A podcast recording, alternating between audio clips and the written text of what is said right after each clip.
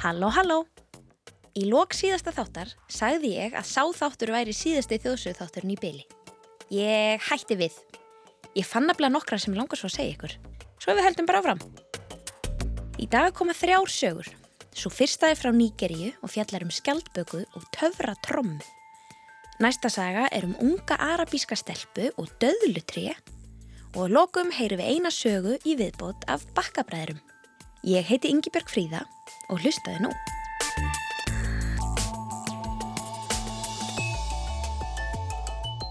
Ég heiti Terri Gammal og kenni þjóðfræði í Háskóli Íslands.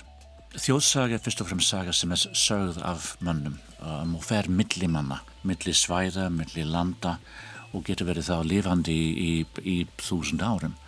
Þannig að þjóð, þjóðsögur eru sögur sem fólk í þjóðinni segir eða, eða hópur af fólki segir um, og sög til skemmtunar en sínir oft trú okkar og langanir að sumuleiti.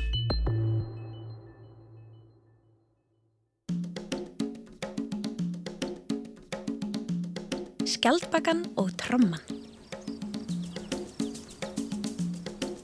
Einu sinni var skjaldbaka á gangi eftir skóarstíg þegar hún rakst á pálmatri sem áugsu ótalmargir pálmakjarnar ávextir.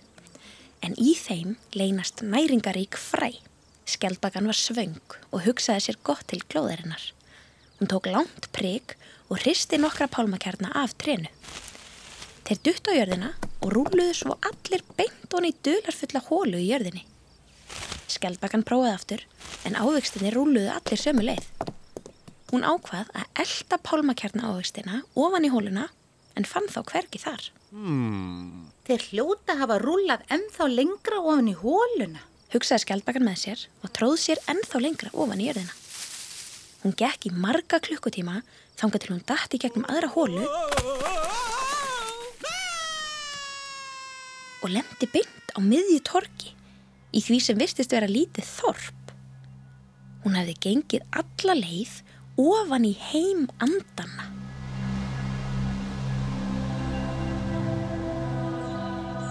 Skjaldbakan leiti kringum sig og sá þá anda sem tögði gladur á pálmakjarna ávöxtunum sem hún hafði hrist af trénu. Þetta eru mínir pálmkjarnar. Þú verður að skila þeim saði skjaldbakan sármóðguð. Ó, fyrir gefðu kæra skjaldbaka, ég vissi það ekki. Leðu mér að bæta þetta upp með einstakri trommu sem ég á. Andin leiti skjaldbökuna að byggingu þar sem trommur af öllum stærðum og gerðum stóðu í fallegri röð. Skjaldbakan ákvaði að velja sér litla trommu, þar sem hann átti auðveldara með að bera hann á bakinu á langri göngu aftur heim. Þegar skjaldbakan kom aftur í skógin, stoppaði hún og kvíldi sig undir tre. Á meðan hún kvildi sig tók hún upp trommukjöða og sló nýju trommuna sína með honum.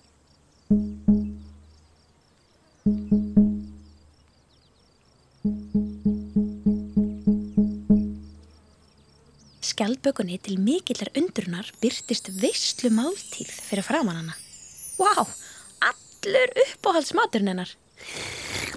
Hún borðaði þar til hún varð alveg pakksött og sopnaði svo undir trénu.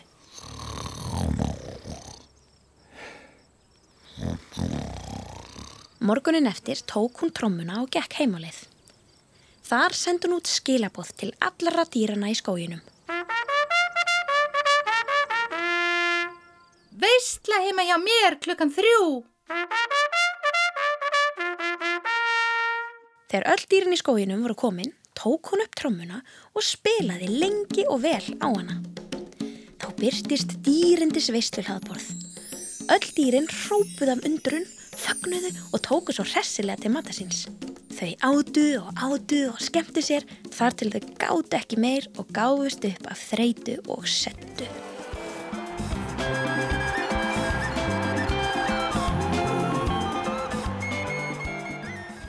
Dæin eftir komu öll dýrin aftur heim til skjaldbökunar. Hún tók gott trómmusólu og veisluhlaðborðið byrtist á ný. Þau gerði þetta á hverjum degi. Skjaldbakan fór að lokum að þreytast á því að taka öll þessi trommusólu. Akkur eftir hún að vera að sinna þessum erfiðisverkum þegar það var hún sem átti trommuna. Skjaldbakan gerði fílinn að yfir trommuleikarnum. Þegar hann tók upp trommukjöðan og sló í skinnið, brotnaði tromman. Og það byrtist ekkert visluhlaðborð. Skjaldbakan þurfti því að leggja af stað í ferðalag og ganga aftur til andaheima. Sem betur fer mundur nákvæmlega hvar hólan var sem þurfti að fara ofan í. Hún endur tók því leikin með pálmakjarna áhegstina, hreisti nokkra af trénu, en þeir rúluðu ekki sjálfur ofan í hóluna. Hmm. Þeir stoppuðu bara þar sem þeir lendu. Skjaldbakan var hissa, tók áhegstina upp og hendi þeim ofan í hóluna. Svo stökk hún á eftir þeim. Þegar hún lendi á torginu í andaþorpinu, hitti hún sama andan aftur. Þú aftur? Já, þú hefur getið pálmakjarna ávistina mína. Þú þarft að skila þeim. Hér er þeir. Ég hef ekki borðað neitt.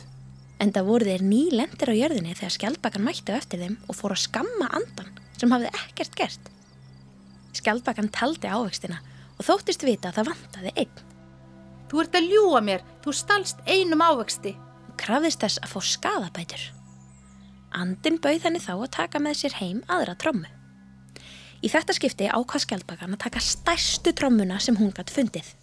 Hún þurfti trommu sem væri nógu stór til að fyllin gæti tekið trommusólu.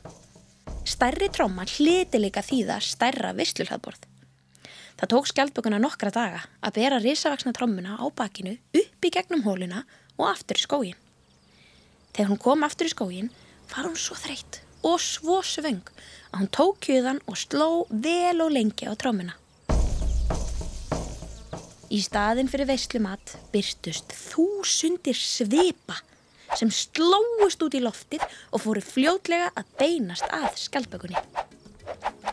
Hún hljópa stað heim til sín með þúsund svipur á eftir sér sem lömdu á henni alla leiðina heim. Svona getur vannþakklæti og frekja biti mann í rassinn. Já, eða slegið mann með svipu.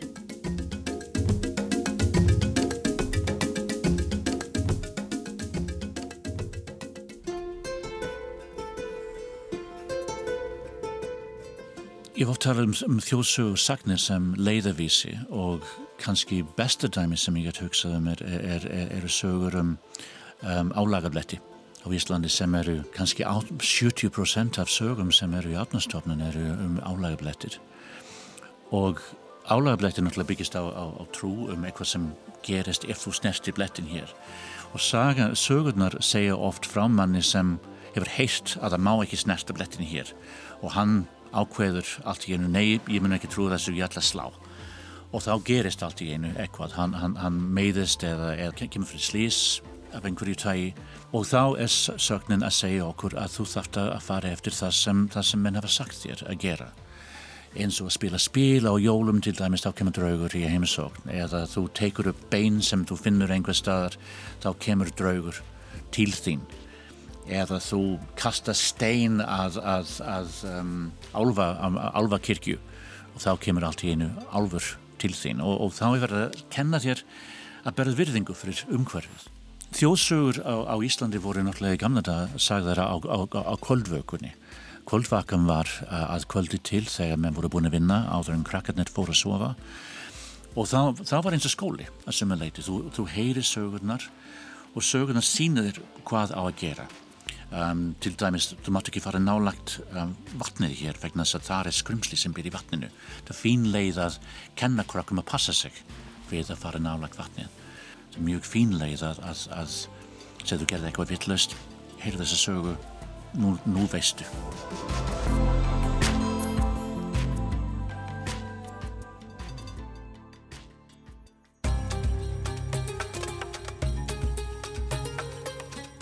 Undra treð. Tré eru okkur mannfólkinu mikilvæg á svo ótrúlega margan hátt. Á þeim vaksa allskynns ávextir, gremmiti, fræ og hnetur sem við getum tínt og borðað.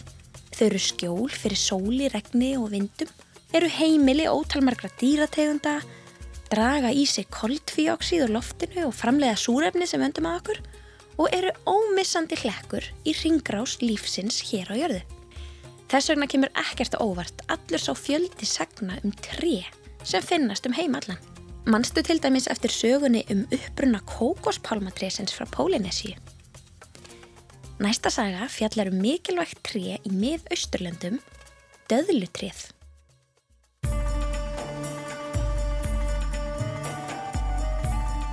Einu sinni fyrir langalöngu, djúft í eigðimörkinni í Arabíu, bjó höfðingin Ali Ben Ahmed og ættbálkur hans. Arabía er gamalt orð yfir stort landsvæði sem í dag skiptist niður í nokkur lönd. Bahrein, Kuveit, Óman, Katar, Sáti-Arabíu, sameinaða arabíska fyrstadæmið og Jemen. Ali Ben Ahmed og ættbólkur hans byggu í tjöldum sem voru fest í sandin þar sem þun heit sólinn skein allan daginn. Mánuðum saman byggu þau í einangrun en dátti engir ferðamenn leið þarna hjá. Eitt kvöldið sá dóttir höfðingjans, Suleika, ferðamann ríða í áttaþorpinu. Hún hljóp til pappa síns og sagði hann frá. Ali Ben Ahmed kom út úr tjaldinu sínu, stóð við hlið Suleiku og horfiði á sjóndildarhingin þar til hann kom auga á lítið ríkskí langt í suðri. Það var rétt hjá Suleiku. Það var svo sannarlega einhver á leiðinni til þeirra. Suleika dansaði af gleði. Hún elskaði að fá gesti heimsó því þeir sögðu svo skemmtilega sögur og lístu allskens fyrirbærum, uppákomum og hlutum sem tilheyrðu veröld sem hún hafði aldrei séð. Stórar borgir með húsum og höllum úr marmara, grænir aldingarðar, sindrandi bláar ár og vötn og sjór sem tegir sig út að sjóndildarhingnum, eins langt og augað eigir. Stúlkan sem hafði alla sína æfi búið í eigðimerkur sandinum gatt glemt sér tímonum saman við að ímynda sér hvernig væri að sjá þetta með eigin augum. Þetta var ævintýra veröldin hennar.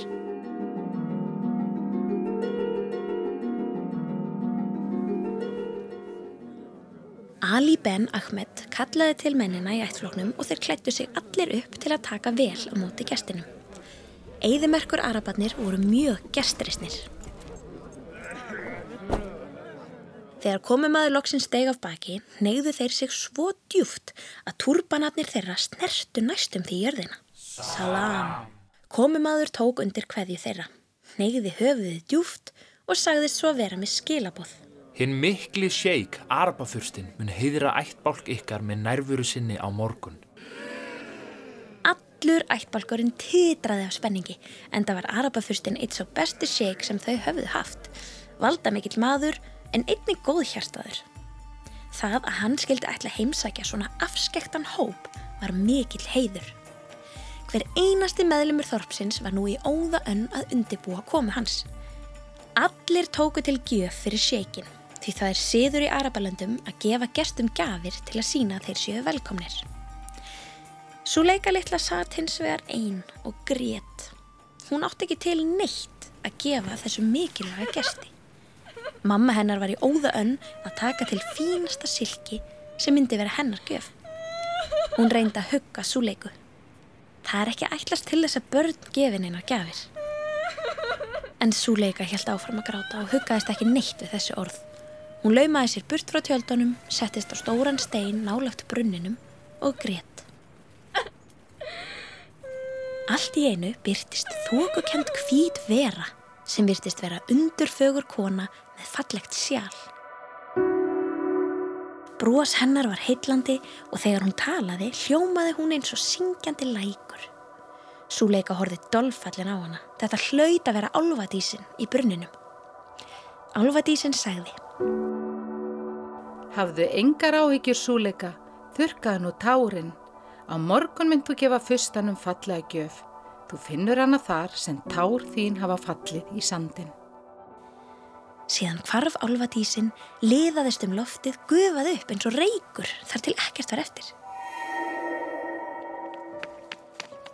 Súleika hljóp aftur heim í tjaldið sitt en gæt ekkert sofið þá nótt. Hún var svo spennt. Um leið og dagur reys hljóp hún út í sandin til að finna gjöfina sína. Þegar hún kom að brunninum, misti hún andlitið af undrun. Þar sem í gær hafði bara verið sandur var nú hátt tri. Það ógs beint upp í loftið. Stopn þess var ber en efst var brúskur af laufum og knippi af brúnleitum ávexti. Svo leika hljóp tilbaka til föður síns og sæði honum alltaf létta. Fadir hennar trúði ekki að það veri allt í nú komið tré í miðja eðumörkina. Þetta þyrti hann að sjá með eigin augum og smakka þennan dularfulla ávöxt. Setni part sama dag mætti hinn mikli sjeik, Arabafurstinn Ben Neti, Meðlimir ættborgsins báru fagrar gafir fyrir hann, skartgripi, ull, silk og stálsverð frá Damaskus. Hinn miklu fyrsti tók við gjöfunum með þakklæti og rósaði fólkinu. Ali Ben Ahmed sagði þá. Kæri fyrsti, það er ein gjöf eftir. Síðan leiti hann Ben Neti að brunnunum þar sem döðlutréð hafði vaksið upp úr tárum súleiku í sandinum. Hann útskýrði hvernig tréð hafði sprottið upp yfir nótt á svo undraverðan hátt. Þegar Ben Neti hafði heyrt alla sólasöguna sagði hann. Þetta er verðmættasta gjöfin af þeim öllum þar sem hún sprettur upp úr einlæri þrá hjartans. Döðlutréð varði upp frá þessu mikilvægt eðimerkur flokkum Arabíu. Svo lengi sem það næra að vaksa upp frá heitum sandinum vita Arabarnir að það getur veitt þeim næringaríka ávexti, trefja þræði til að vefa klæði og skugga frá eðimerkur sólinni.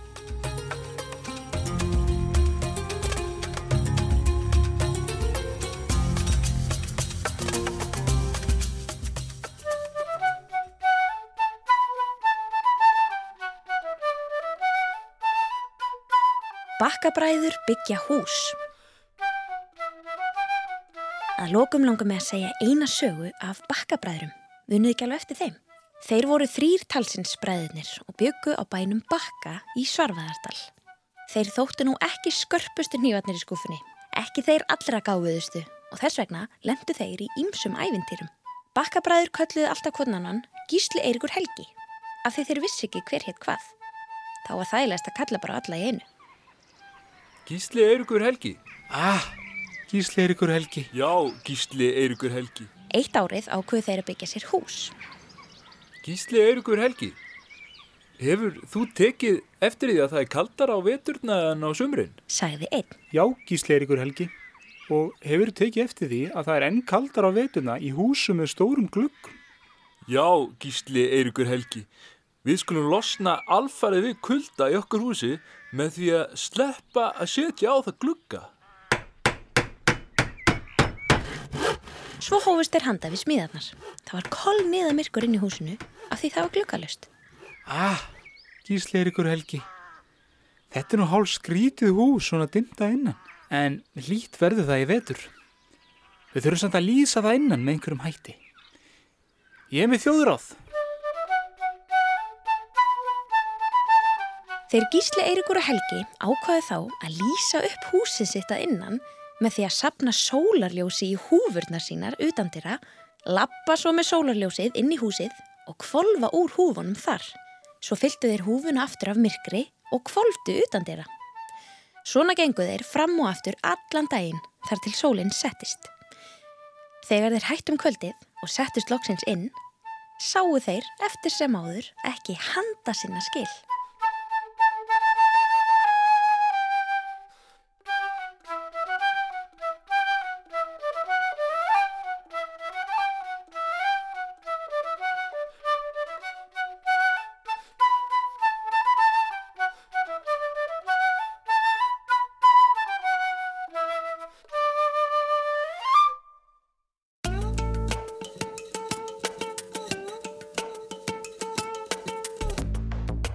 Þá erum við búin að heyra átján þjóðsögur frá tíu mismundi löndum. Og það eru miljón fleiri góðar að núti. Við skulum bara halda áfram í næsta þætti líka, eða ekki? Ef þið langar að heyra einhverja sögu aftur sem þú heyrðir hér í dag eða hlusta fleiri þætti, farið þá inn á krakkarúf.is, í krakkarúf appið eða á aðrar hlaðvarpsveitur. Við þakkum Terry Gunnell, þjóðsögu sérfræðinginum okkar fyrir frábæra fróðleiksmóla í síðustu þáttum. En nú held ég áfram að grúska í sögum og heyri ykkur í næsta þætti. Takk fyrir að hlusta!